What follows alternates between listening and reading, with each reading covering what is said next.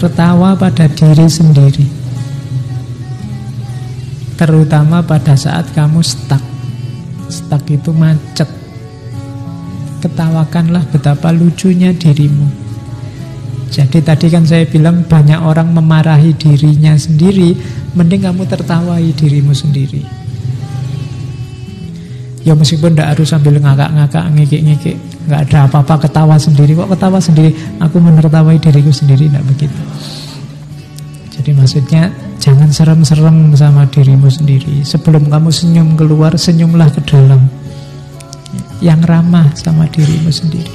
Kamu sama dirimu sendiri nggak bisa ramah, susah kamu ramah ke orang lain.